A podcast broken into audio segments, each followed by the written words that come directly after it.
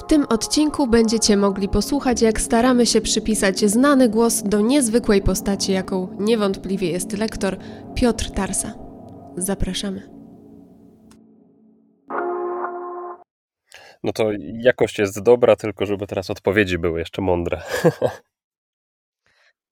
Ja mam dzienniczek, będę zapisywać zaraz. Proszę, proszę, proszę. Możesz zaczynać, Wojciech. Można NP? Co można? Nieprzygotowanie, Boże. Albo Xa. Zależy, zależy nie, z jakiego a... pokolenia jesteś. Nie, absolutnie nieprzygotowanie nie można, bo już y, na tej lekcji u tej pani się nie zgłasza. A poza tym y, to jest dla ciebie, a nie dla mnie. Ty się uczysz, Piotr, dla siebie, nie dla mnie, wiesz? No dobrze, no to jak jestem taki mądry, to przyjdę i poprowadzę lekcję za panią. Dobra. No to a propos tej, a propos tej nauki i mądrości, to yy, chcielibyśmy bardzo się zapytać cię. Jesteś przedsiębiorczy dlatego, że studiowałeś rachunkowość, ekonomię, czy studiowałeś ekonomię dlatego, że jesteś przedsiębiorczy? Bardzo dobry research zrobiłeś przed, e, przed naszą rozmową.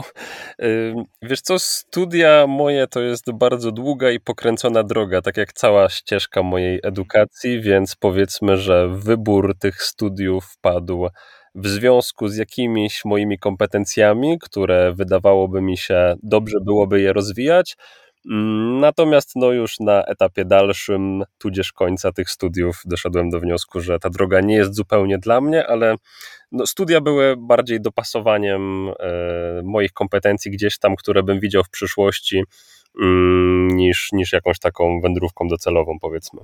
Mhm, rozumiem. Bo z tego, co wyczytałem i z tego, co zrozumiałem, to założyłeś swoją działalność w wieku, 8, w wieku 18 lat. Y, nie. Firmę założyłem w zasadzie teraz będzie miała 2,5 roku. To co się tam wydarzyło w wieku 18 lat? Y, wiesz co, moja ścieżka była taka, że ja generalnie po technikum e, zastanawiałem się, co robić dalej zawodowo, bo skończyłem technikum na kierunku elektronika, czyli jak już łączycie mm. sobie te trzy tematy ze sobą, czyli lektorstwo, rachunkowość i controlling i elektronika, no to może się to Wam wydawać nieco dziwne i tak też faktycznie było, dlatego że do technikum poszedłem, mm, bo po prostu tak słyszałem od e, znajomych, od nauczycieli, że elektronika to jest taki kierunek, który będzie bardzo przyszłościowy. Po czterech latach technikum stwierdziłem, że na pewno to nie jest coś, e, co chciałbym robić w życiu e, i zacząłem szukać dalej. W międzyczasie rozwijałem swoją pasję, jaką były nagrywania, nagrania filmów i nagrania lektorskie, e, ale nie wierzyłem, że będzie to jakiś sposób na życie, na zarobek. Dlatego po skończonym technikum po prostu najszczerzej w świecie zacząłem szukać w internecie, jakie kierunki studiów najbardziej opłaca się skończyć. E, to jest taka typowa ścieżka, wydaje mi się, e, przyszłego studenta, który gdzieś tam szuka, nie ma jasno określonych jasno określonego kierunku. Mm, no i wybór padł na rachunkowość i controlling, ponieważ interesowałem się takimi e, aspektami właśnie jak przedsiębiorczość, jak może w przyszłości założenie firmy, może jakaś bankowość, ekonomia, no te kierunki jakoś tam je czułem. E, poszedłem na tą rachunkowość i controlling i jednocześnie w tym samym roku, w którym skończyłem technikum i zaczęły się studia, dostałem propozycję od mojego znajomego, który właśnie rozkręcał firmę E, zajmującą się produkcją wideo i to były filmy i reklamy. I zacząłem tam pracę jednocześnie ze studiami zaocznymi. Zmieniłem kierunek e, od razu we wrześniu, w zasadzie tam w listopadzie, e, na, na zaoczne studia i rozpocząłem pracę w domu produkcji wideo i reklam, i jednocześnie sobie studiowałem zaocznie tą rachunkowość i controlling. I tu powoli dochodzimy do momentu kulminacyjnego, dlatego że przepracowałem w tym domu produkcyjnym przez Pracowałem tam przez 5 lat i w międzyczasie to jakoś łączyło się. Filmy, reklamy z udzielaniem głosu, e, z jakąś tam wymianą, powiedzmy, i doświadczeń, i budowania jakiejś powoli bazy przyszłych klientów. E, no i postawiłem sobie za cel, że dokończę te studia rachunkowość i controlling. Skończyłem je, natomiast przeważyło to ta moja pasja do kręcenia filmów, do filmu, do reklamy. E, no i poszedłem w to dalej, więc studia po prostu podpisałem podpisałem indeks, oddałem do dziekanatu, e, a pracowałem właśnie przez 5-6, 5 lat w tym domu produkcyjnym i w międzyczasie pod sam koniec, chyba w czwartym roku założyłem, e, w czwartym roku pracy tam założyłem własną działalność, to był chyba właśnie 2020 rok albo 21. No i od tej pory już coraz prężniej rozwijałem znowu na boku teraz nagrania lektorskie. Powiedz mi, skąd w ogóle to twoje zamiłowanie do obrazu? Hmm, to jest bardzo dobre pytanie. I na dobrą sprawę nie jestem w stanie ci chyba powiedzieć, jakie były początki. Na pewno za dzieciaka jeszcze, jak były magnetowidy, tak to się nazywało. To urządzenie, do którego wypożyczało się kasety jeszcze. VHS-y, tak. Tak, te VHS-y, takie wypożyczalnie kaset wideo, to bardzo mi się podobał motyw ogólnie nagrywania, że można nagrać jakiś obraz na takie kasety VHS i gdzieś tam w rodzinie ktoś miał jakąś kamerę taką na takie kasety, tylko że to były takie jeszcze mniejsze kasetki, one tam mają jakąś swoją nazwę. Na pewno kojarzycie, jak kiedyś tam 15, nawet 20 lat temu jakiś tam wujek, dziadek na pewno kręcił jakieś wesele w waszej rodzinie na takich kasetkach i to mi ktoś pokazał. Nie pamiętam, czy to był ojciec, czy to był dziadek, ale zafascynowało mnie to, że po prostu możesz chwycić kamerę, możesz to nagrać, przewinąć, możesz to jeszcze nawet zmontować, bo już gdzieś tam jakieś pierwsze Windows 2000 czy Millennium Edition z jakimiś podstawowymi programami do montowania jakieś konwertery, żeby zgrać ten materiał. Jeszcze chyba to się szło do punktu w ogóle, żeby jakoś tak. na cyfrę przełożyć ten, ten tak. materiał. Boże, ja się teraz czuję trochę stary, mam 26 lat, ale naprawdę jeszcze te, te czasy, kiedy się robiło zdjęcie i się mm, y, wywoły, mm, tą kliszę się tam dostawało, dawało się w takich plastikowych kubeczkach, co się je potem zbierało. Tak. No, a to zdjęcia.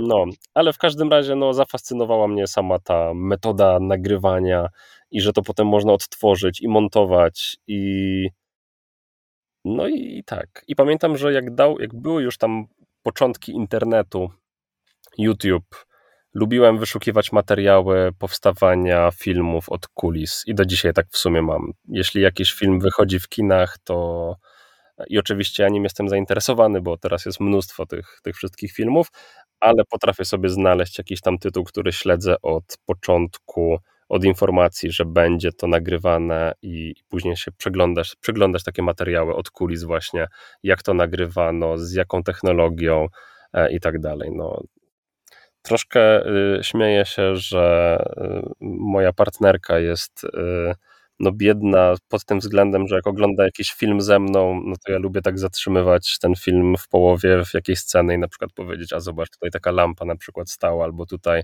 tak kamerą było to nagrywane na tym obiektywie. No jestem takim trochę freakiem, jeśli o to chodzi. Rozumiem. A to pytanie kontrolne, czy przewijałeś kasety VHS na podglądzie? Tak nie można było robić, tak? Tak, zawsze tam rodzice krzyczeli, nie, nie przewijaj na podglądzie, nie tak. przewijaj na podglądzie, bo zepsujesz kasetę. Tak jakby ta kaseta miałaby się naświetlić, jak klisza właśnie. Ja pamiętam, że było coś takiego, że jak oddawało się tą kasetę później do tego punktu, to ten pan chyba sprawdzał, czy była przewinięta, bo chyba trzeba było oddawać przewinięte i chyba się nawet płaciło dodatkowo za te przewinięcie, ale tego pewien nie jestem. Ale tak, Masz rację, no. Przewinięte, yy, jakby miałeś jakiś albo zwrot, albo mniej płaciłeś faktycznie za wypożyczenie. Było coś takiego. No, tak. nie przewinięte i no nie, ale wspomnienie. Jesus Christ. Mhm. Mam nadzieję, że nasi słuchacze są troszkę starsi niż tam 20 lat, powiedzmy, bo to czarna magia pewnie, jak to słyszą. No, nasza, nasza średnia wieku to jest 27-35, także. No to idealnie, to jestem na początku tej średniej. Tak, a to w takim razie co dłużej ustawiasz? Mikrofon czy światło? hmm. Za czasów, kiedy jeszcze stałem za kamerą faktycznie w tych filmach i reklamach, no to, to kamerę bym powiedział. Teraz wydaje mi się, że jednak światło jest trudniejsze, bo mikrofon to jednak sobie tutaj złapie, jeśli jest dobry mikrofon, to, to, to, to, we właściwym kierunku go ustawić i już sobie poradzimy, a to światło jednak już potem ciężko jest naprawić w postprodukcji, więc raczej światło. Często musisz podnosić ten mikrofon, no bo jednak jesteś w miarę wysoki. A to zależy w jakich sytuacjach, bo tutaj jak jestem we własnym studiu, to on zawsze jest na tym samym poziomie. Chyba, że tutaj y, przychodzi ktoś inny, no to raczej muszę obniżać, bo przy moim metrze 90 to raczej w drugą stronę nie idzie. Mm, racja. Y, dobrze, no to jak już jesteśmy przy wzroście, czyli przy czymś bardziej o tobie, y, to pierwsze pytanie na rozluźnienie. Y, czy ty umiesz śpiewać? Nie, nie umiem śpiewać i oszczędzę wam tej wątpliwej przyjemności, jeśli tutaj jakiś challenge się pasował, był przygotowywany. Nie, nie, nie, nie absolutnie. scholi chyba kiedyś, tak mi się wydaje, że gdzieś tam może w gimnazjum podśpiewywałem w scholi w kościele, ale to były jakieś tam, nie no, śpiewałem pod prysznicem na przykład, to, to wtedy tak. E, patrząc też na Twój profil na Instagramie, no bo tam dzielisz się e, jakby technikami związanymi z mówieniem i z poprawą swojej dykcji i wymowy i tak dalej, e, to co według Ciebie u lektora ma większe znaczenie, władanie głosem czy językiem? Wydaje mi się, że to musi współgrać ze sobą. To znaczy, lektor powinien mieć szeroki zakres używanego słownictwa i też umieć wyłapywać błędy, zwłaszcza gdy no, czyta jakiś tekst reklamowy, to niejako się troszkę pod tym podpisuje, tak? To znaczy, nie słychać e, nas w reklamie, że czytał ten a ten, ale jednak, gdy widzimy jakiegoś cudzysłowie byka, no może nie ortograficznego, tylko stylistycznego, coś nam nie pasuje, no to musimy mm, takie rzeczy y, wyłapywać i w miarę możliwości poprawiać, więc myślę, że lektor powinien y, no, mieć ten szeroki zakres y, używanych słów i tych nieużywanych też, no ale też dykcja i właściwie wykształcony aparat mowy, no to, to też jest podstawa w tej pracy, więc wydaje mi się, że to musi ze sobą współgrać i nie ma tego mm -hmm. albo tego. Mm -hmm. A, a jesteś e, purystą językowym? Poprawiasz ludzi? Nie, broń Boże. Ja uważam, że, że język jest e, zdecydowanie istotą żywą i w rozmowie, w mowie codziennej to jest ogólnie niekulturalne. E, można, można się z tym zgadzać, można się nie zgadzać, no ale z tego co wiem, to zasady savoir-vivre jednoznacznie mówią, że wytykanie komuś błędów językowych i to nie chodzi nawet tam publicznie, nie wiem, uczenie nauczycielowi, bo to już jest jeszcze wyższa forma moim zdaniem braku kultury, ale nawet w takim towarzystwie naszym, naszych znajomych, jeszcze nie wiem, przerwanie na przykład komuś i powiedzenie e, e, tutaj mm-hmm. w cudzysłowie, no. a nie w cudzysłowiu, to jest to jest zdecydowanie e, zła droga i sam mhm. popełniam błędy językowe. Też ostatnio gdzieś tam pod jednym z filmów znajoma do mnie napisała później, że tutaj jakiś błąd zrobiłem i że ona jest w szoku, bo jej się wydawało, że ja nie popełniam błędów. A no, jak każdy człowiek popełniam błędy, zdarzają się różne byki i myślę, że nawet nasi słuchacze w dzisiejszej rozmowie coś nie coś tam znajdą, no ale kurczę, język jest dla nas. Tak, zgadzam mhm. się. Bardzo się cieszę, że z tego punktu wychodzimy. E, a, mm, no bo właśnie, mówimy o tobie jako o lektorze posługujący się, posługującym się językiem polskim. Czy ty uważasz, że to znaczy, jak myślisz, czy w ogóle się nad tym zastanawiałeś, czy inaczej brzmiałbyś w innym języku? Hmm, to też jest ciekawe pytanie. Hmm. Są lektorzy, znam takich lektorów, którzy potrafią bardzo dobrze mówić w innym języku, wręcz e, jak sami się nazywają, mm, to się nazywa chyba duo native speaker, że jesteś po prostu, jesteś w stanie mówić na przykład po angielsku z faktycznym tamtym akcentem. Czy to jest e, dostrzegalne przez faktycznie native'a, e, nie wiem, British English? No to on by musiał powiedzieć, czy to faktycznie dobrze brzmi.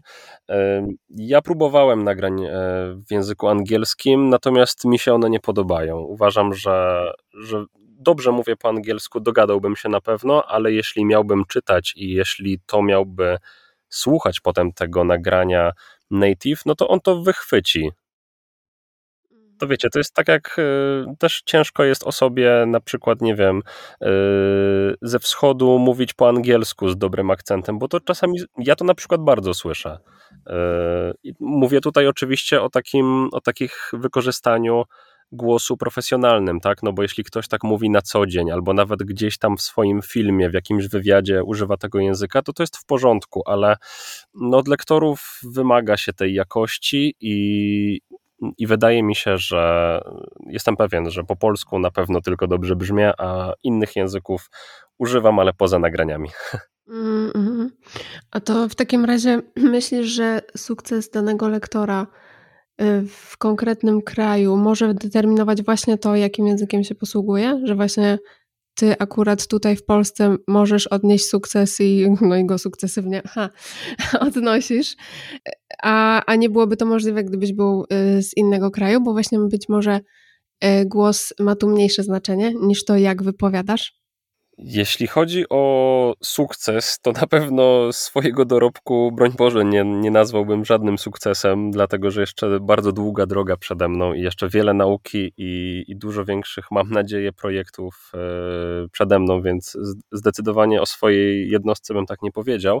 Natomiast jeśli chodzi o lektorów, to warto wspomnieć, że sama funkcja, jeżeli mówimy tylko o lektorach, nie o aktorach dubbingowych, bo to też y, trzeba mocno rozdzielić, mhm. to lektorów jest w każdym kraju różna ilość. I teraz co mam na myśli? Lektor taki, jakiego znamy y, w filmach, serialach, w telewizji, jest w Polsce, jest w krajach byłego bloku wschodniego, czyli tam, gdzie mieliśmy te kraje po upadku ZSRR.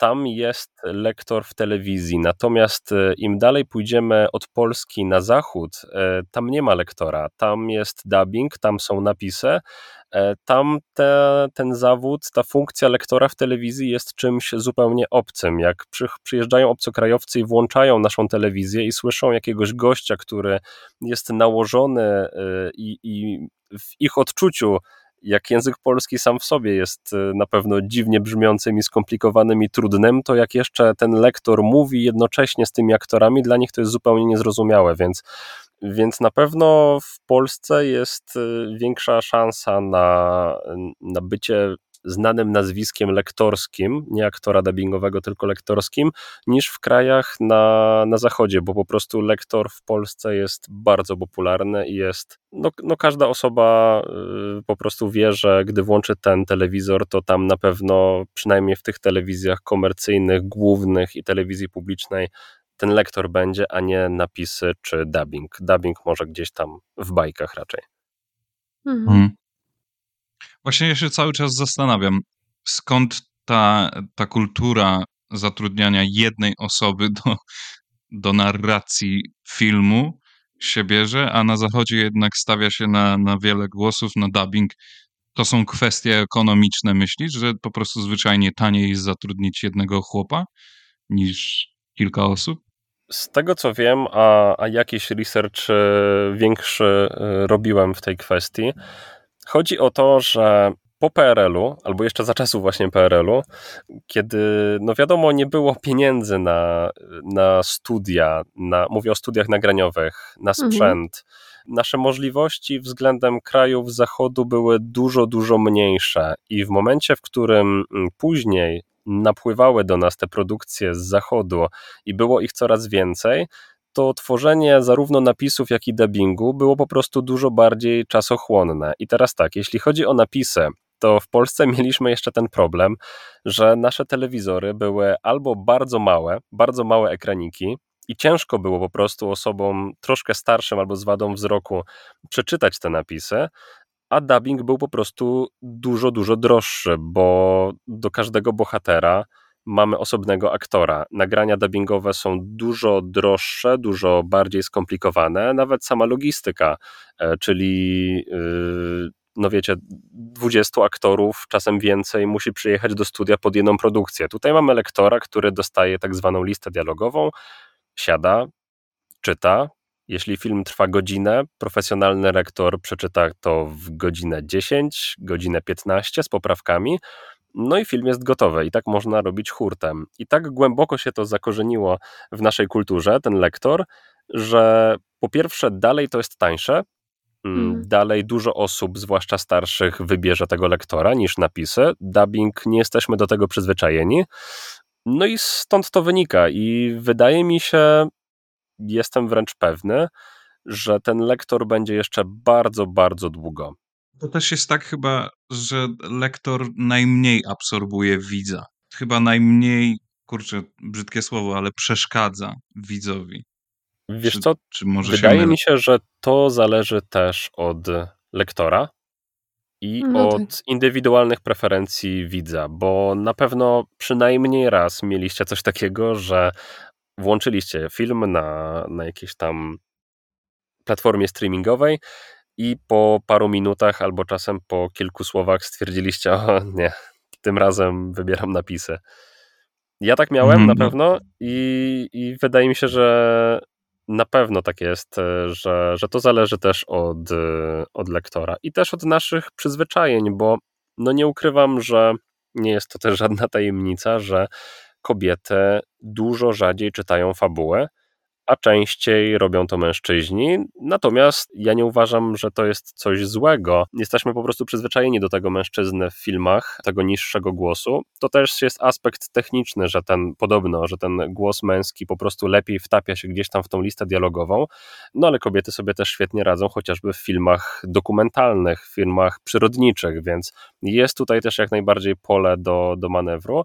Chciałbym szczerze powiedziawszy kiedyś obejrzeć fabułę z dobrą lektorką, tylko tak, żeby to po prostu ze sobą dobrze współgrało. I tutaj nie mówię o jej dykcji, czy chyba barwie głosu głównie, żeby to ze sobą jakoś tam działało, bo jest więcej tych kobiet i to jest kwestia głównie chyba naszych przyzwyczajeń, no ale, ale tak to wygląda. Tak, tak, to chyba jest to osłuchanie. Zresztą tak samo jest z tymi musicalami czy, e, czy filmami animowanymi, gdzie znowu tam nie jesteśmy sobie w stanie wyobrazić e, faceta. tylko już Chociaż kobietę. Muszę wam powiedzieć, że e, na wschodzie funkcjonuje coś takiego. Nie pamiętam dokładnie nazwy, bo to jest, e, to jest nazwisko prawdopodobnie rosyjskie. Mm, Jest to rodzaj szeptanki, bo szeptanka, e, generalnie czym jest szeptanka? To jest czytanie tekstu, listy dialogowej przez lektora. I szeptanka na wschodzie jest robiona na dwa głosy, czyli jeśli czyta u nas y, partie kobiece i męskie czyta lektor, natomiast na wschodzie jest faktycznie tak, że jest albo dwóch, albo nawet czterech lektorów, czyli jest kobieta, jest mężczyzna, a czasami jeszcze jest młodsza, młodszy głos, e, jakiś tam dziecięcy, e, żeński i męski. Także, także w Polsce były podobno e, próby wprowadzenia czegoś takiego, czyli takiego dwugłosowego odczytywania list dialogowych, ale to się nie przyjęło. Taki, taka namiastka dubbingów. Coś takiego, tak.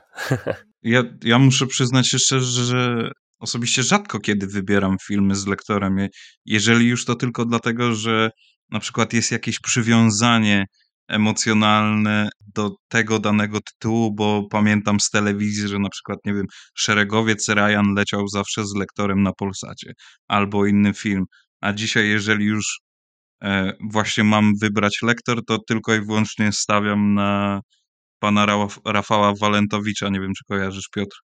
Tak. To jest pan, który użyczył głosu chłopakom z baraków. No i nie wyobrażam sobie oglądać tej serii akurat bez lektora. niego. no, no nie da się. No tak, tak. No są, są takie głosy, do których jesteśmy przyzwyczajeni, z którymi jesteśmy, jesteśmy zżyci. Ja mam tak, że filmy, które są po angielsku, w oryginalnej ścieżce po angielsku, lubię je oglądać z lektorem z czystego przyzwyczajenia. Natomiast jeśli film jest produkcji hiszpańskiej, włoskiej, e, po prostu inny język niż angielski, to wtedy wybieram napisy, bo jakoś lepiej czuję po prostu ten film wtedy. Nie wiem, La Casa na przykład Rozumiem. nie byłbym w stanie oglądać z lektorem. Po, bo powiedziałeś e, o, tym, o tym przyzwyczajeniu do głosu, co jest no oczywiście jakby normalne, bo w ogóle się przyzwyczajamy, ale czy ty e, nie boisz się, że kiedyś e, będziesz, wiesz, głosem bez twarzy? To znaczy, że będziesz kojarzony tylko z tego, że mówisz, a nie z tego, kim jesteś? Czy to w ogóle jest w ogóle nie problem, bo właśnie chodzi o to w tym byciu lektorem, że się jest takim tłem. Wiesz co, zaletą pracy lektora jest to, że jak się ma radiową urodę tak zwaną, e, to możesz e, siedzieć bezpiecznie w czterech ścianach ciepłego, czasami nawet klimatyzowanego studia i tak być gdzieś tam rozpoznawalnym, ale po głosie, a nie po twarzy. Ja szczerze nie mam, nie mam takiej obawy, bo jeszcze nie wiem, no, rok temu myślę o tej porze jeszcze bym nie powiedział, że że będę chciał działać e, tak intensywnie w social mediach i jednak pokazywać się z tą twarzą, a nie tylko wstawiać nagrania. ale to nie jest moim zupełnie celem. To jest jakiś tam pomysł, który narodził się niecały rok temu, ale tym takim głównym, nazwijmy po angielsku, korem mojego działania jest jednak lektorstwo. Jest to wyjęte z kontekstu y, poniekąd. Y, jest taka wypowiedź, cytat z Tomasza Knapika, świętej pamięci, że lektor jest jak aktor, jeden gra Hitlera, inny Matkę Teresę. Nie świadczy to o jego poglądach. A nie boisz tak. się, że jakbyś na przykład wszedł bardziej w ten świat lektorski, podjął się pracy, która wymagałaby poświęcenia dłuższego czasu i byłaby to na przykład jedna firma, jedna tematyka, nie bałbyś się, że ktoś by cię oceniał przez pryzmat e, właśnie pracy, której się podjąłeś, przez pryzmat tej konkretnej fuchy? Hmm. Dobre pytanie. Wydaje mi się, że ludzie znowu dzielą się na, na dwoje. To znaczy, jedni rozumieją, że jest to tylko praca i filmy, które są odtwarzane chociażby w telewizji publicznej, a w telewizji komercyjnej, to wcale nie znaczy nic o poglądach politycznych, na przykład e, tych lektorów. Na pewno też wspominając e, wezwanego już tutaj Tomasza Knapika, to też on mówił, że nie przeczytałby spotów wyborczych, bo zbyt mamy to w Polsce zakorzenione, że osoba, która czyta nawet tekst, to na pewno to już jest tam albo z prawicy, albo z lewicy. Ludzie nie rozumieją, że jest to no po prostu praca i czasami się czyta, tak jak się czyta dobry film i gorszy film i, i kino klasy Z po prostu, gdzie, gdzie dialogi miałkie i ogólnie słaba produkcja, no to nie znaczy, że ten lektor to lubi mm, i, i uważa to za coś, coś dobrego.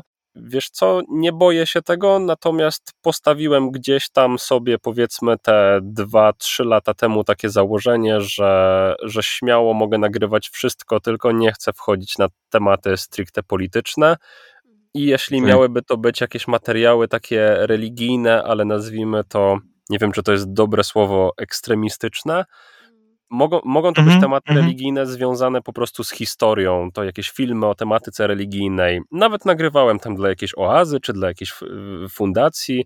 Nie mam z tym problemu, żeby czytać też takie teksty kościelne, natomiast nie chcę, mm, nie chcę czegoś takiego po prostu mocno przeciwnego do moich gdzieś tam wartości, ale to mówimy o takich naprawdę skrajnościach. Mhm, rozumiem. No, bardzo fajnie w ogóle Jacek Brzostyński to podsumował, że lektor jest jak taksówkarz, że wsiada człowiek i on zwyczajnie jedzie, tylko że pijanych nie wozi. Słuchaj, to ja ci coś teraz powiem, że akurat trafiłeś w dziesiątkę, bo dzisiaj przy obiedzie oglądałem dokładnie ten wywiad i robił go Jakub Rutka, którego pozdrawiam.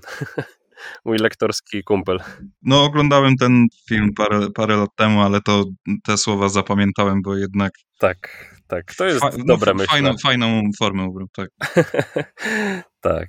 To jest dobre porównanie. I możliwe, że teraz wychodzę przed szereg i jest to, mam nadzieję, że to nie jest złe przemyślenie.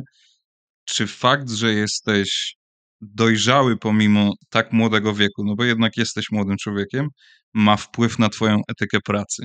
Hmm. Masz na myśli, że jestem jakoś bardziej otwarty po prostu na, na działania, czy... Mam na myśli to, że w wieku 26 lat właśnie doszedłeś no, no jednak ty, ty mówisz o tym, że nie, ma, nie, nie możemy tutaj rozmawiać o sukcesie, ale wydaje no mi się, że nie.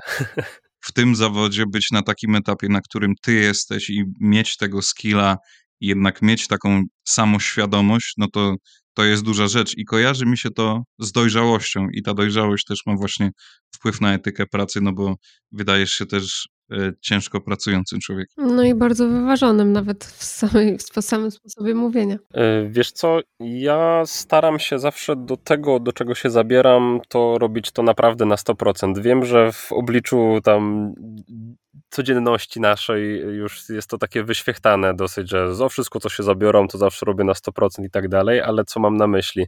E, jeśli już podjąłem tą decyzję, że, że chcę na pewno być lektorem, bo to też nie było od samego początku. Nie, nie każdy od razu wiedział, że chce być lektorem, czy aktorem, czy dziennikarzem, ale ja gdzieś tam już sobie to powiedziałem, powiedzmy te 2-3 lata temu, że, że to jest coś, gdzie może nie teraz, nie wtedy, nie te 3 lata temu e, już mogę wszystko rzucić i to robić, tak na pewno ja to już sobie postanowiłem. I za tym idzie przede wszystkim, no ja powiem, użyję tego słowa, chociaż nie lubię takich angielskich wtrąceń, ale właśnie research, czyli podpatrywanie no, no mistrzów, osób, które są w tym fachu już od lat i oglądanie wszystkich możliwych wywiadów e, przede wszystkim. Poszukiwanie też takich wzorców, osób, do których można się jeszcze dostać. Co mam na myśli jeszcze, bo no ci lektorzy, którzy te takie wielkie nazwiska, niektórzy są bardzo dostępni i udzielają wywiadów i tak dalej, ale to jest naprawdę sztuka, żeby znaleźć taką osobę, która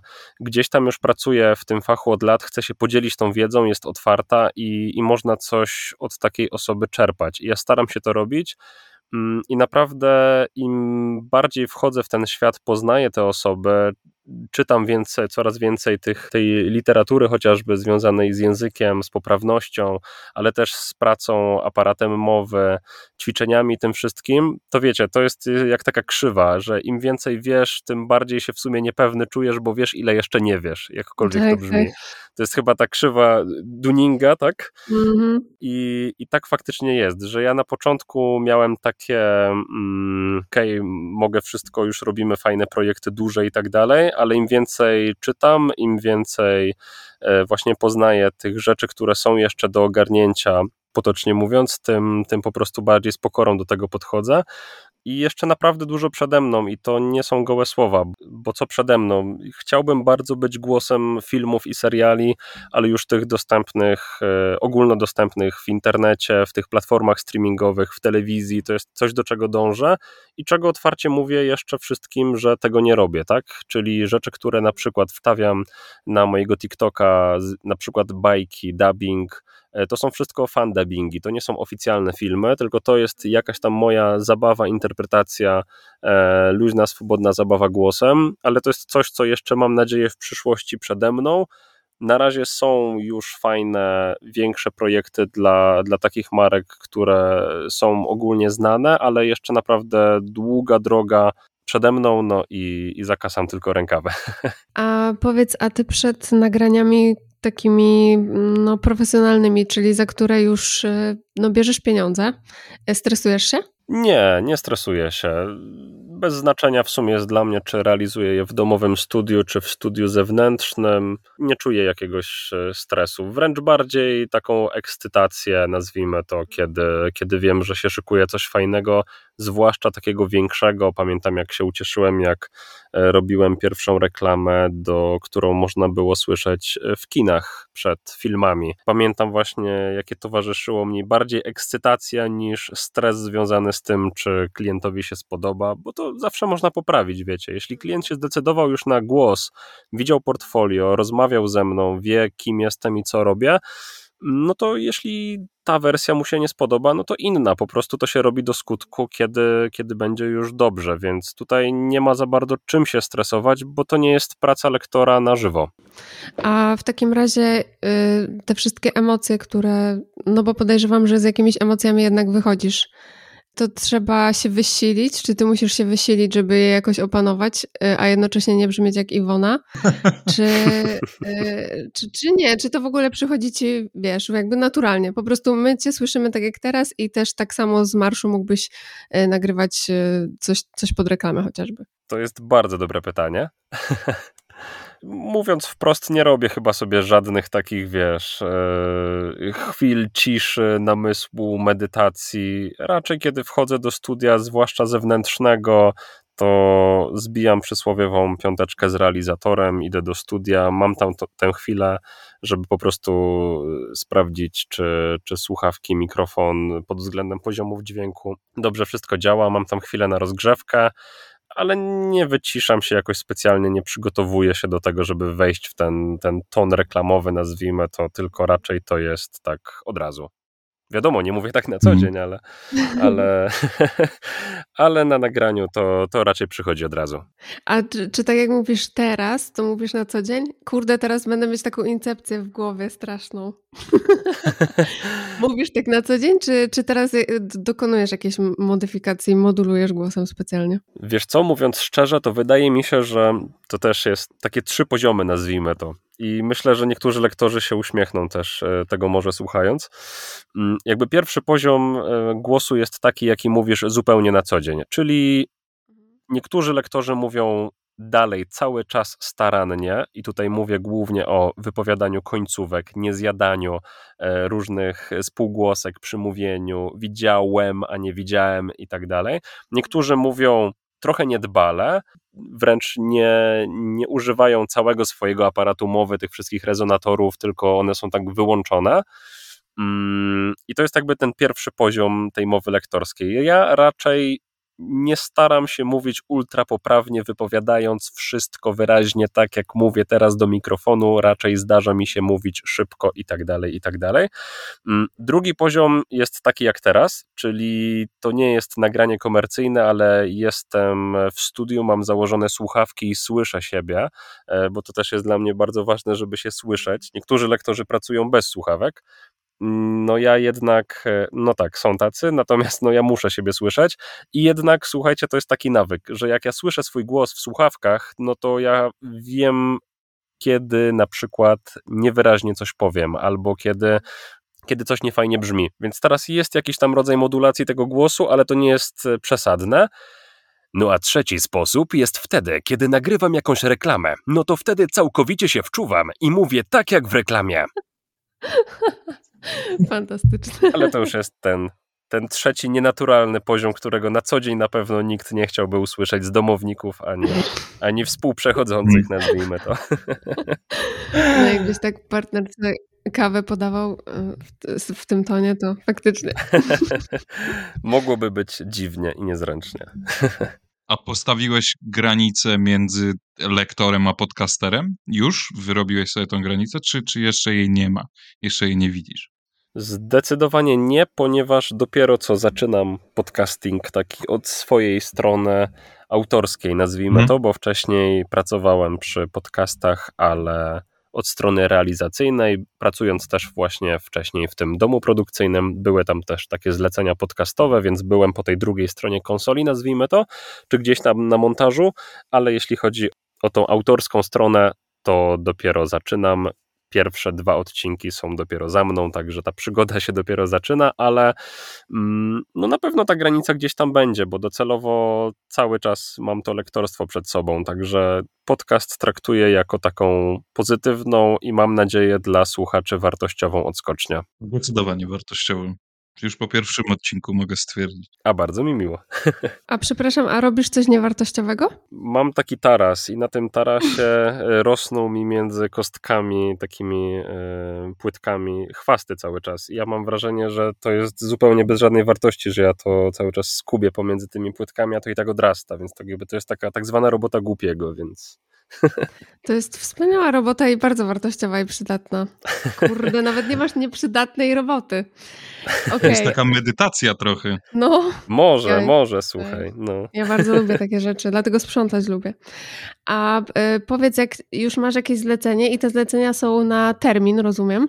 Że, że, trzeba to w jakimś terminie wykonać, to co, co kiedy jakaś choroba około laryngologiczna cię złapie? Co się wtedy robi? Wtedy są co najmniej trzy wyjścia. Pierwsze wyjście nie jest wyjściem najmądrzejszym, ale czasami po prostu tak trzeba, czyli y, no, należy, że tak powiem, zastosować jakieś krople do nosa, czy, czy jeśli się ma zatkany nos, czy coś, coś, co po prostu umożliwi ci to nagranie. Jeśli to jest jakieś krótkie nagranie, to jesteś w stanie to awaryjnie, nazwijmy to, nagrać, no bo tu weźmiesz jakąś tam tabletkę do ssania, coś i może to zabrzmi dobrze, ale jeśli to jest e, poważne, znaczy każde nagranie jest poważne, ale mam na myśli, jeśli to jest coś naprawdę dużego, ten dźwięk musi być naprawdę dobry. I oczywiście ja zawsze z moimi klientami jestem szczery, więc to też, żeby wybrzmiało, e, zaznaczam, jeśli przychodzi jakieś zlecenia, ja czuję, że mam, nie wiem, zapalenie krtani, to już w ogóle wyłącza lektora, ale jeśli coś mam po prostu z aparatem mowy, no to zaznaczam, że czy mogę prosić na przykład o przesunięcie terminu, więc albo to można nagrać awaryjnie, nazwijmy to, albo przesunąć termin, jeśli się da, A jeśli się nie da, no to też trzeba postąpić fair i uczciwie. Ja akurat nigdy klientów nie zostawiam z niczym i po prostu podaję namiary do moich lektorskich kolegów, czasem nawet koleżanek, bo, bo czasami też można wymienić ten głos. Jeśli to nie jest jakiś duży projekt, to można e, zmienić głos z męskiego na żeński. No i po prostu takie zlecenie jest oddelegowywane i po prostu działa, działa to wszystko, cały proces. Klient zadowolony, lektor, sąsiad też, a ja mogę sobie mhm. zdrowieć. No to w takim razie a propos zleceń, e, czy dostawałeś jakieś niemoralne głosowe propozycje już? O to ten, ten, ten oddech to czuję, że tak. Czuję, że to będzie historia. No, no, jakieś tam się chyba zdarzały, jakieś takie niemoralne, e, nie wiem, budziki, czy jakieś takie usypiacze, nazwijmy to, ale z góry chciałbym poinformować, że niestety, ale nie realizuję takich nagrań, także coś, coś tam się takiego dziwnego zdarzyło, ale, ale nie, aż tak, takich rzeczy to, to się właśnie zalicza do tego koszyka e, z polityką i No tak, no to już jest, to jest intym, intymna sprawa. A w, w, właśnie, to, to jest pytanie, które teraz mi wpadło do głowy a propos intymnych dźwięków. Co ty sądzisz o nagraniach ASMR? No. Ale macie ciekawe pytania. Tego się naprawdę nie spodziewałem. Co sądzę o ASMR? Y, chciałbym z tego miejsca pozdrowić i przeprosić wszystkich kolegów i koleżanki, które y, wykonują tę sztukę nazywaną ASMR. Natomiast no niestety do mnie to zupełnie nie przemawia. E, Jezu, dziękuję. Jakby szanuję, nawet traktuję to jako rodzaj sztuki, zwłaszcza jak widzę live'y, do których się skrzętnie przygotowują tacy twórcy i to nie jest tylko kwestia tam Y, cmokania, czy przykładania ręki, czy jakiś tam y, piórek do mikrofonu, tylko to naprawdę są cały performance, jeśli to można tak nazwać, takie, takie show ASMR. Do mnie to niestety nie przemawia i yy, wydaje mi się, że to jest nawet chyba rodzaj jakiejś, nie wiem, choroby, czy, czy takiego, takiej fobii, że ja nie lubię, jak ktoś mi mlaszcze na przykład do ucha. Mlaskania, jakiegoś takiego cmokania, no nie bardzo. Może mruk kota byłby jeszcze tam w porządku, no ale to, to jest maksymalnie. Także co sądzę? Myślę, że to jest dla, na pewno dla wielu osób. E, osobiście znam, nawet mój barber ostatnio, pozdrawiam Kuba, e, mówił mi, że lubi sobie przed spaniem puścić ASMR. Jego to odspręża, relaksuje e, i wszystko po prostu dobrze mu się potem śpi. Rozumiem, że to tak może działać na niektórych, na mnie nie, ale szanuję. A właśnie, no to jak już jesteśmy przy dźwiękach, które słuchamy, to ciebie w takim razie jakie dźwięki relaksują? Może to będzie takie zbyt oczywiste, ale ja na przykład jeśli pracuję, to włączam sobie playlistę, która się nazywa Muzyka do pracy albo Muzyka do skupienia. I to są takie mm, no, domyślne playlisty gdzieś tam na tych platformach muzycznych i, i takie po prostu dźwięki natury, mm, może jakiś szum. Ja ogólnie nie wiem, jak wy macie, to też z ciekawości e, powiedzcie. Ja pracuję zawsze z muzyką. Wiem, że też ludzie się dzielą tutaj na takich, którzy no, nie potrafią się skupić. Ja nie potrafię się skupić, gdy słyszę odgłosy z zewnątrz. Ja się muszę mhm. odciąć i mieć tą muzykę na słuchawkach. No to ja mam to samo. Ja nawet czytać już nie potrafię w ciszy.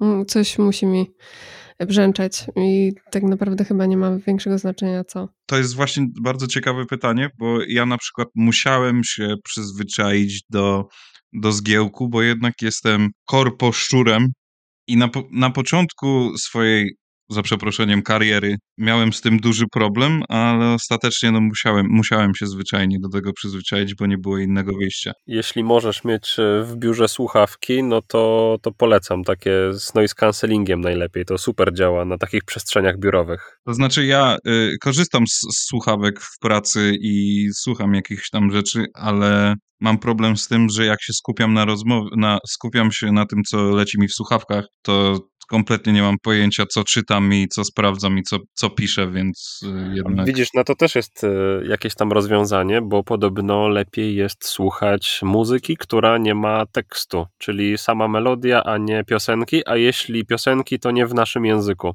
No ja, ja słucham muzyki filmowej. Głównie w pracy i to nie pomaga w ogóle. Niestety, jakiś tam ewenement. No w sumie to jest ciekawe, tak siedzisz sobie, jakiś tam gladiator. Tak. Czy zasypiasz Piotrze w ciszy, czy jednak musisz sobie coś puścić, żeby się wyciszyć paradoksalnie?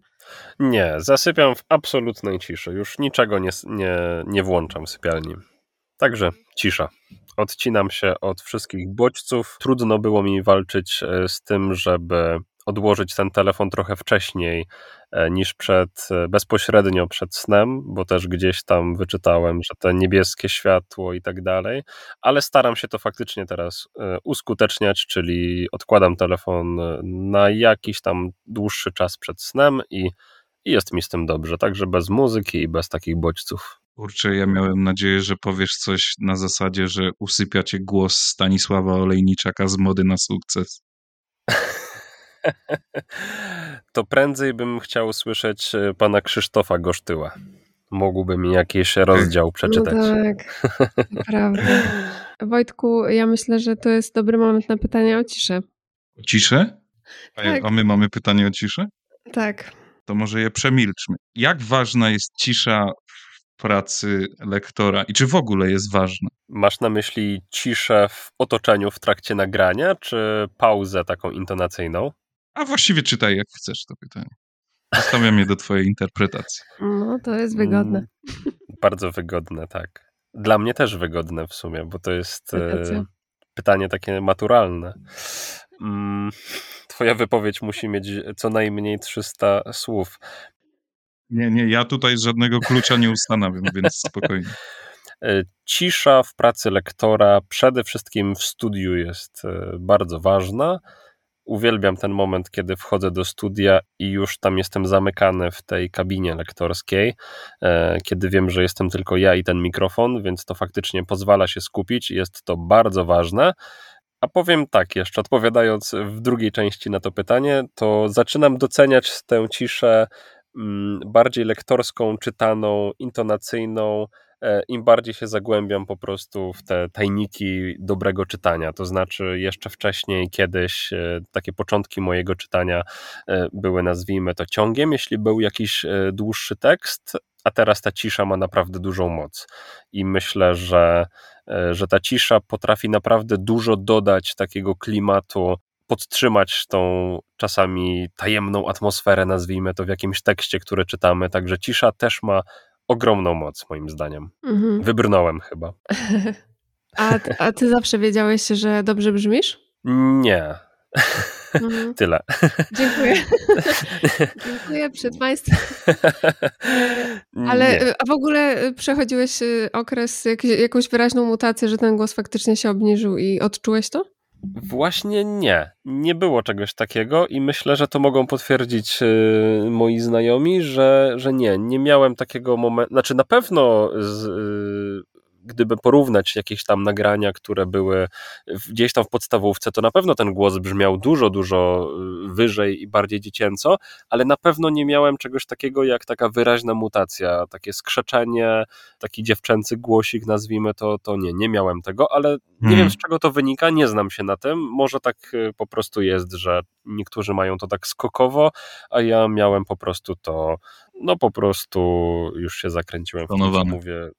Tak, dokładnie. Aczkolwiek widzę, że nawet na przestrzeni roku czy dwóch lat, nawet teraz, kiedy już te struny głosowe powinny raczej osiąść, nazwijmy to, to ten głos mi się zmienia i mam go coraz Mhm. niższego faktycznie. Mhm, mhm. Ale to też by było zabawne, gdyby, by, gdybyśmy mieli dzieci, które.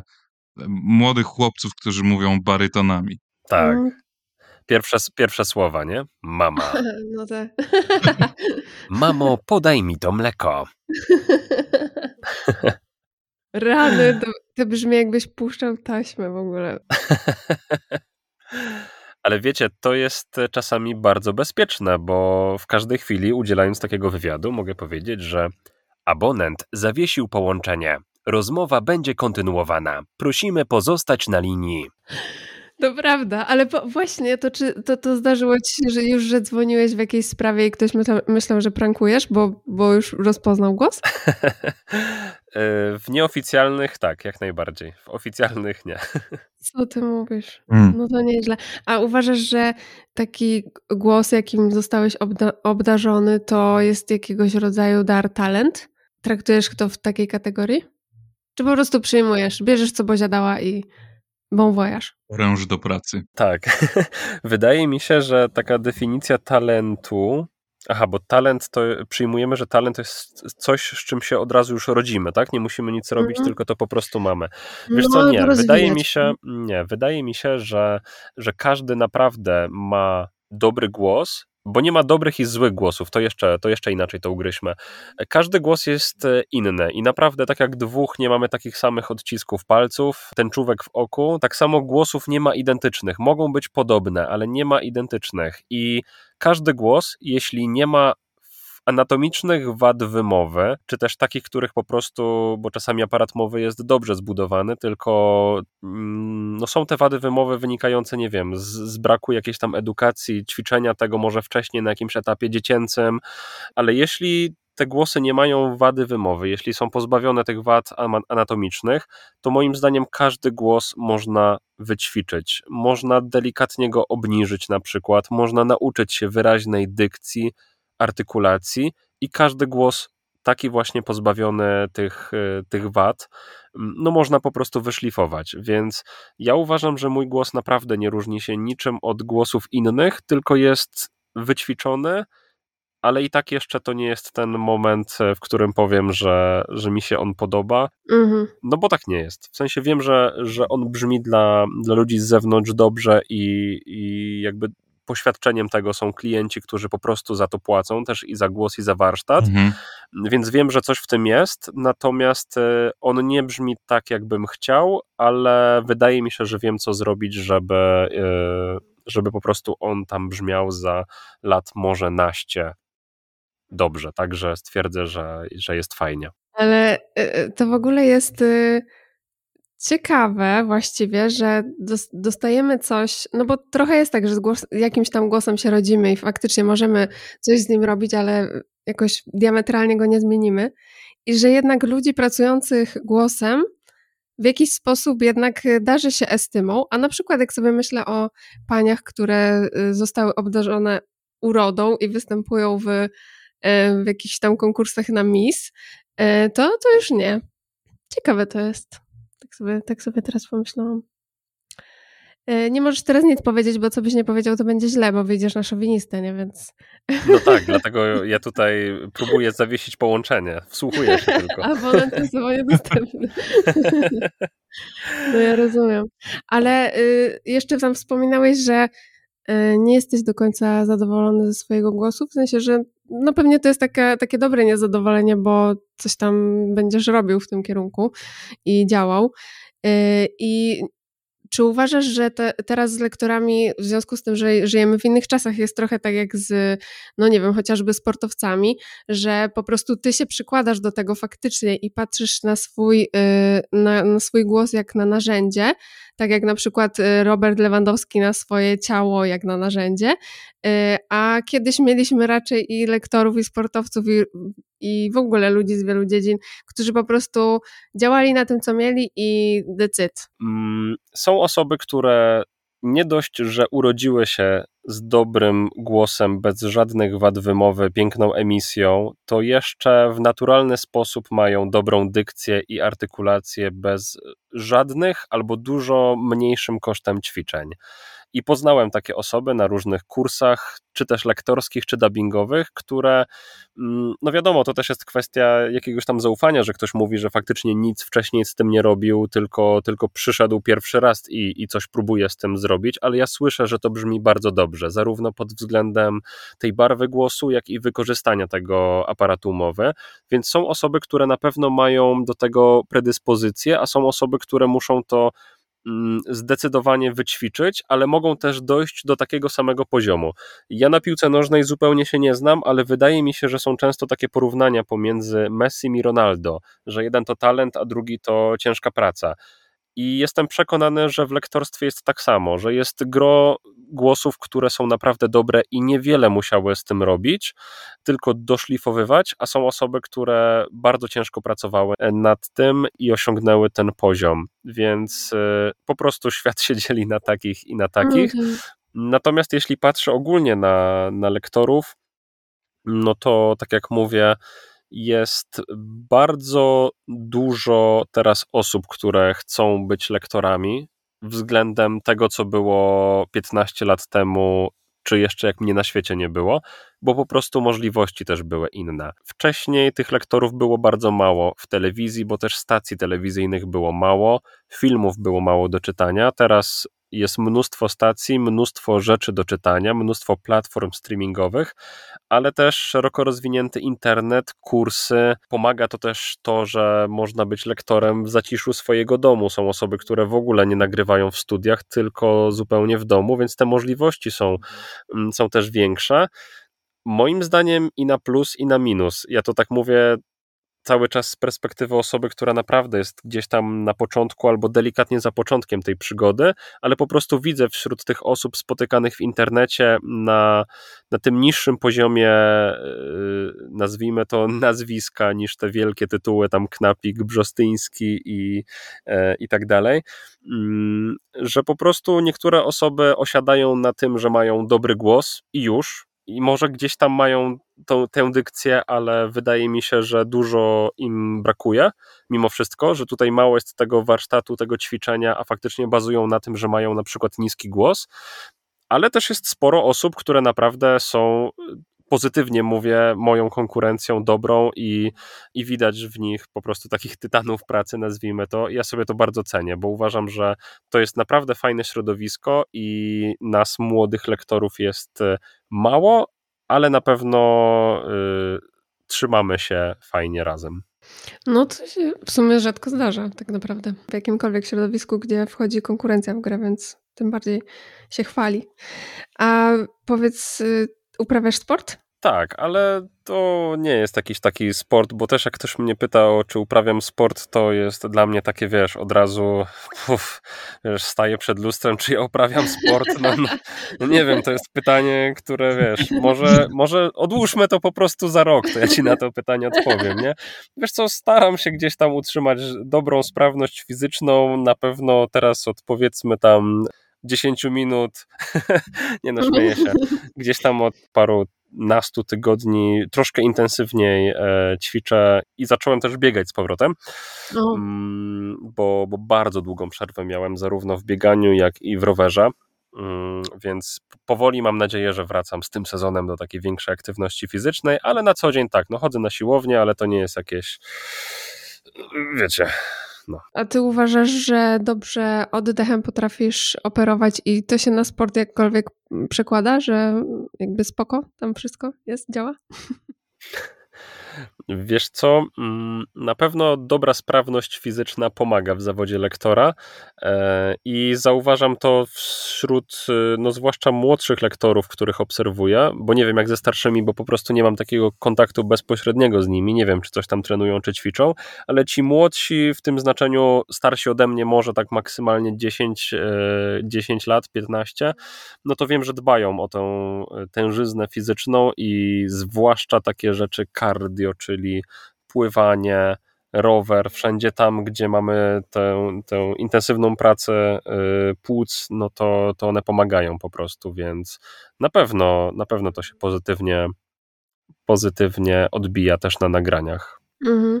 To ciekawe, czy właśnie y, kobiety w takim razie muszą wykonać inną pracę, skoro bardzo wiele mówi się o tym, że kobiety mają właśnie problem z tym oddychaniem przeponowym, że robimy to gdzieś tutaj z piersi, a nie a nie z przepony i że to jest mniejszy problem u, u mężczyzn. Ciekawe w ogóle. Musielibyśmy zrobić research. Tak, to, to jest y, dobre pytanie, myślę, do, y, do jakichś specjalistów od, od takich rzeczy. Nie wiem, y, na przykład Maciej Jabłoński, trener emisji głosu, może by odpowiedział na to pytanie, bo, bo tutaj już nie chcę wchodzić w takie kompetencje, nazwijmy to edukacyjne pod tym względem, bo, bo sam się tego cały czas uczę. Mhm, mhm, jasne. Piotr, mam nadzieję, że nie masz nic przeciwko. Wspomniałeś o mistrzach, o wielkich głosach. Y, niektóre z tych, niektóre z tych głosów przywołałeś do tablicy z nazwiska. Jeżeli nie masz nic przeciwko, chciałbym Ci przedstawić zestawienie nazwisk polskich lektorów i Ty wskazywałbyś bez uzasadnienia, nie, nie, nie każę Ci tutaj teraz wymieniać plusów czy minusów, która z osób w tym zestawieniu wygrywa. I wygrana osoba zostaje. Ja Ci przedstawiam kolejne nazwisko, które będzie poniekąd konkurowało z nazwiskiem, Aha, które poprzednio wybrałeś. taką, tak? Tak, żeby ostatecznie wyłonić tego najlepszego. Uf, no dobrze. Dobrze, dobrze. Przepraszam pozostałych. Już na wstępie. Pierwsza para Krzysztof Gosztyła versus Łukasz Nowicki. Krzysztof Gosztyła. Krzysztof Gosztyła versus Rafał Walentowicz. No Krzysztof Gosztyła. Gosztyła versus Bonaszewski. Czekaj, tylko zrobię zakłady. No, No dalej dla pana Gosztyły. Jestem, wyjdę na jakiegoś fana w takim razie, w takich zestawieniach. No bo zrobiłeś taki, tak mocny Mocno, głos. tak, właśnie mocny głos na samym początku. No. Rozjechane. Teraz będzie trudne zestawienie. Gosztyła versus Knapik. O, ja mam bardzo duży szacunek do, do, całego, do całej twórczości pana Tomasza Knapika, ale pod względem głosu na pewno Krzysztof Gosztyła. No to teraz Krzysztof Gosztyła versus Krystyna Czubówna. Oj, tu zastanów się. No i pomyślę, pomyślę. Wiesz, jakie czasy są. Wiem, jakie są delikatne. czasy. Ró- różnie może być, różnie się Tak. możemy spotka- spotkać, ale em, no ciężko porównywać, słuchaj, głos kobiecy do, do męskiego, także mm, można, można odpowiedzieć jakoś tutaj, nie wiem, koło ratunkowe jakieś wziąć, czy... Tu musi być, y, pani Czubówna faktycznie musiałaby być z inną kobietą. Ona wygrała z góry. Tak, pa, pani Krystyna jest tutaj wyróżniona. Krzysztof Gorsz, Gosztyła versus Piotr Borowiec. No dobrze, będzie ciekawiej w takim razie, więc zróbmy Piotra Borowca. O, proszę bardzo. Jest to, jest to zaskoczenie. To w takim razie Borowiec versus Brzostyński. Mm, Brzostyński. I może jeszcze dwa, żeby nie przesadzić. Gosia, może ty chcesz wybrać któreś z nazwisk? Żebyś Ja- wyłoniła zwycięzcę.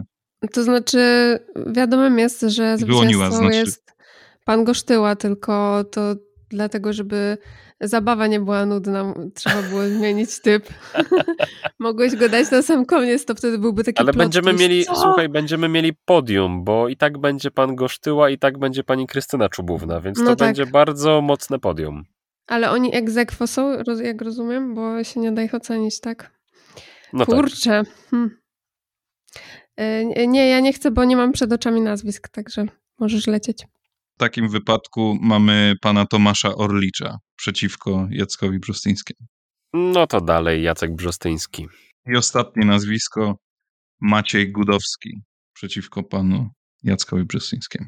Bardzo lubię głos pana Macieja Gudowskiego, ale w tym zestawieniu chyba bardziej mi się po prostu podoba pan Jacek Brzostyński.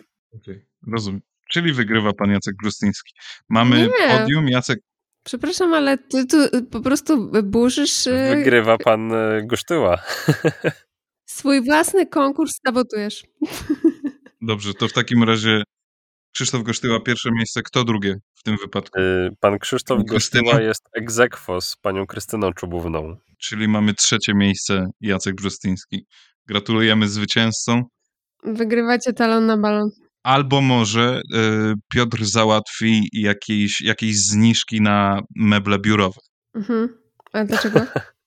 No bo z tego, co, z tego, co wyczytałem na LinkedIn, y, pracowałeś w marketingu w, w firmie biurowej. Nowy styl? Tak, się nazywało? Tak, z- zgadza się. A, że w ramach się. wygranej. Okej, dobrze. dobrze. Hmm, sprytnie.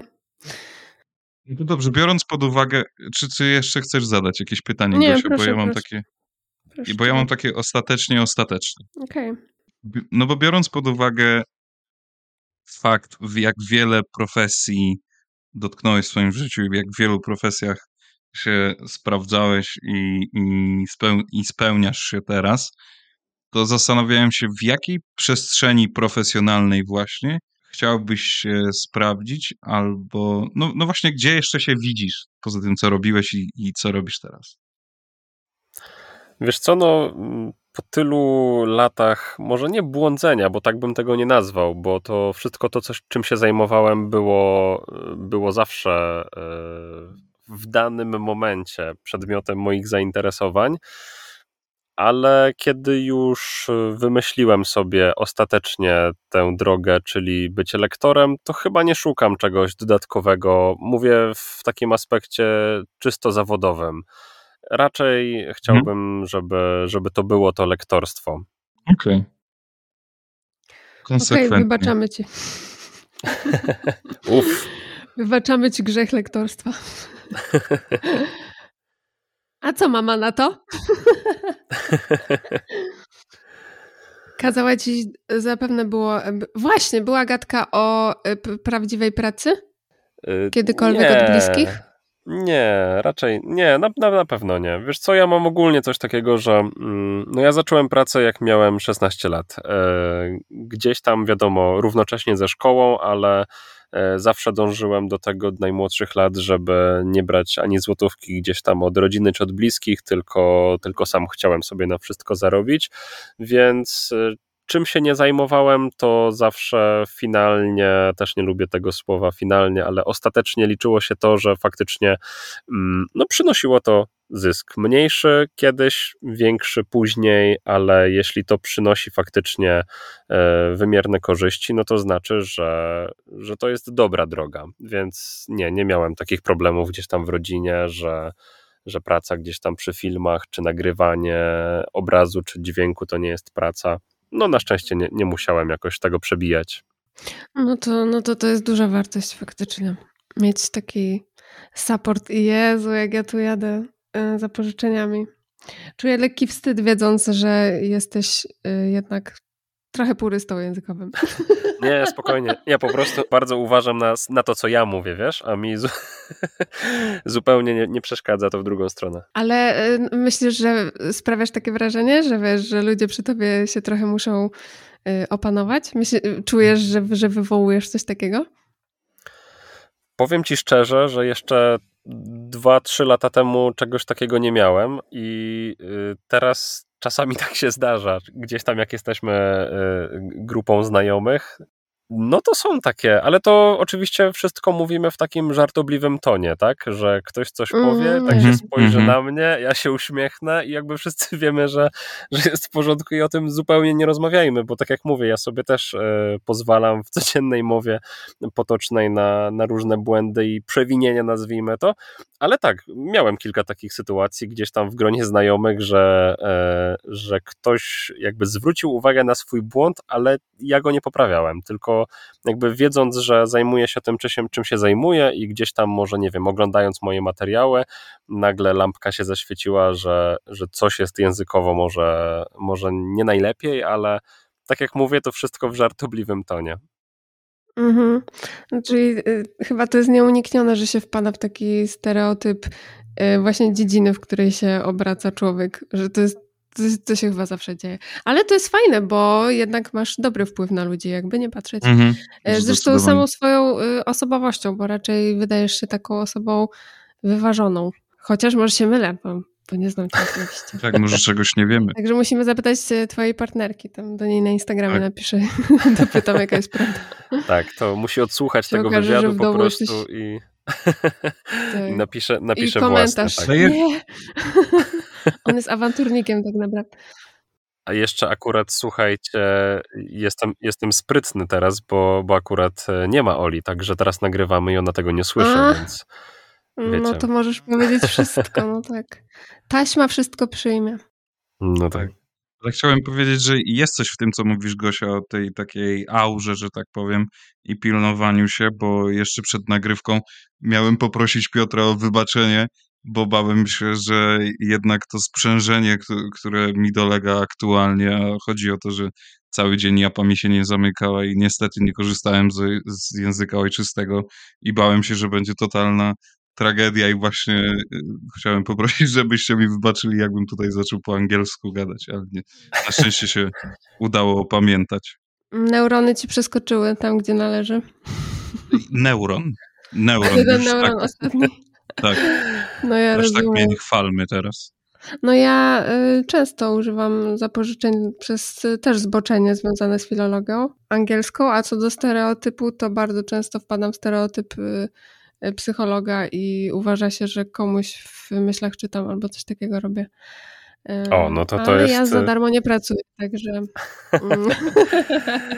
Y, Jeszcze tak na chwilę odnośnie tych y, zapożyczeń. Mm, Ja wychodzę z założenia, że tak jak mówię, język jest dla wszystkich i te zapożyczenia są czasami potrzebne, bo nie widzę innej opcji, żeby powiedzieć na przykład influencer, no bo jak powiemy inaczej w języku polskim, wpływak, no bo osoba wpływowa brzmi dosyć dziwnie, nie? Jestem osobą wpływową, bo to jest, mi się to kojarzy od razu z jakąś, nie wiem, osobą zas- zasiadającą w jakichś wyższych sferach czy coś, więc, więc wiadomo, że te, te słowa, ja też, tak jak mówię, nie mam wykształcenia wyższego, jeśli chodzi o język polski, więc ja wiem tyle i taką, taką polszczyzną się staram posługiwać i się posługuję na co dzień, jaką po prostu gdzieś tam albo się nauczyłem, albo po prostu wyczytałem na własną rękę, Mm, ale podobają mi się niektóre zapożyczenia i nie mam nic przeciwko, żeby na przykład, nie wiem, przed rozmową wysłać brief. Pewnie jest określenie jakieś inne, ale brief brzmi krótko i każdy w naszej branży medialnej wie, czym jest brief mm, albo skrypt. E, chociaż skrypt chyba jest normalnie w języku polskim, więc to nie jest najlepszy przykład. Ale wiecie, no są takie słowa, które po prostu dobrze brzmią i nam leżą, i pamiętajmy, że okej, też jest zapożyczeniem, a już piszemy przez O, K, E, J i słowo cringe, z tego co ostatnio słyszałem, też już jest w języku polskim pisane przez E, N, D i rzet na końcu, więc, Mhm. Więc jest dużo takich słów, które do nas przychodzą i nie ma w tym nic złego, ale faktycznie jestem tak między młotem a kowadłem i tym pierwszym młotem jest y, język potoczny, którego chce mi się cały czas używać, mm, a tym kowadłem, gdzie im więcej czytam, tym bardziej widzicie, nawet w czasie naszej rozmowy dzisiaj tak z cztery razy na pewno odniosłem się do tego, co, co powiedziałem, a pewnie nie musiałbym tego robić, bo, bo dobry słuchacz i tak jakoś tam tego pewnie nie wypomni. No. Mhm, mhm. A to w takim razie jeszcze y, na koniec, y, jakie jest twoje ulubione słowo w języku polskim? O, bardzo ładny. Kiedyś bardzo nadużywałem słowa elegancko. I dla mnie Aha. wszystko było elegancko, i do dzisiaj jest wszystko elegancko, mimo tego, że nie jest to dobre, dobre wykorzystanie tego słowa. Bo elegancki to może być y, strój jakiś na. Y, No, możecie się ubrać elegancko, na przykład, tak? A nie, że coś jest dobrze elegancko. To też trochę tak jak powiedzieć dokładnie, tak? Czyli kalka z angielskiego exactly. No, no nie dokładnie, bo dokładnie to można coś położyć wisienkę na torcie, ale ja lubię to słowo elegancko i, i sobie go tak po prostu potocznie używam, że o, i elegancko. Mhm, mhm. Elegancko. Elegancko zakończyliśmy Elegancko. rozmowę. Ale czy to jest elegancko, czy elegancko? Bo to jest różnica. Elegancko. Elegancko, no, może być też tak. Dziękujemy Ci bardzo, Piotrze. Życzymy Ci dalszych su- sukcesów, rozwoju kariery. Mam nadzieję, że Twoja kariera naprawdę będzie elegancka już na takim poziomie eleganckości, że będziesz y, z niej dumny i że usłyszymy Cię, że będzie możliwość usłyszenia Cię e, w jakimś pełnometrażowym filmie. No i wiesz, zdrowia, szczęścia, pomyślności, dużo pieniędzy. Dla całej rodziny i wsi, tak. Po, pozdrów tam wszystkich, Tak, ucałuj wszystkich. Ucałuj, tak, tak. Pozdrów, pozdrów. Pamiętaj, Piotr, żeby Ci się nic nie stało. Tak. Wiadomo. I pamiętaj słowa matki.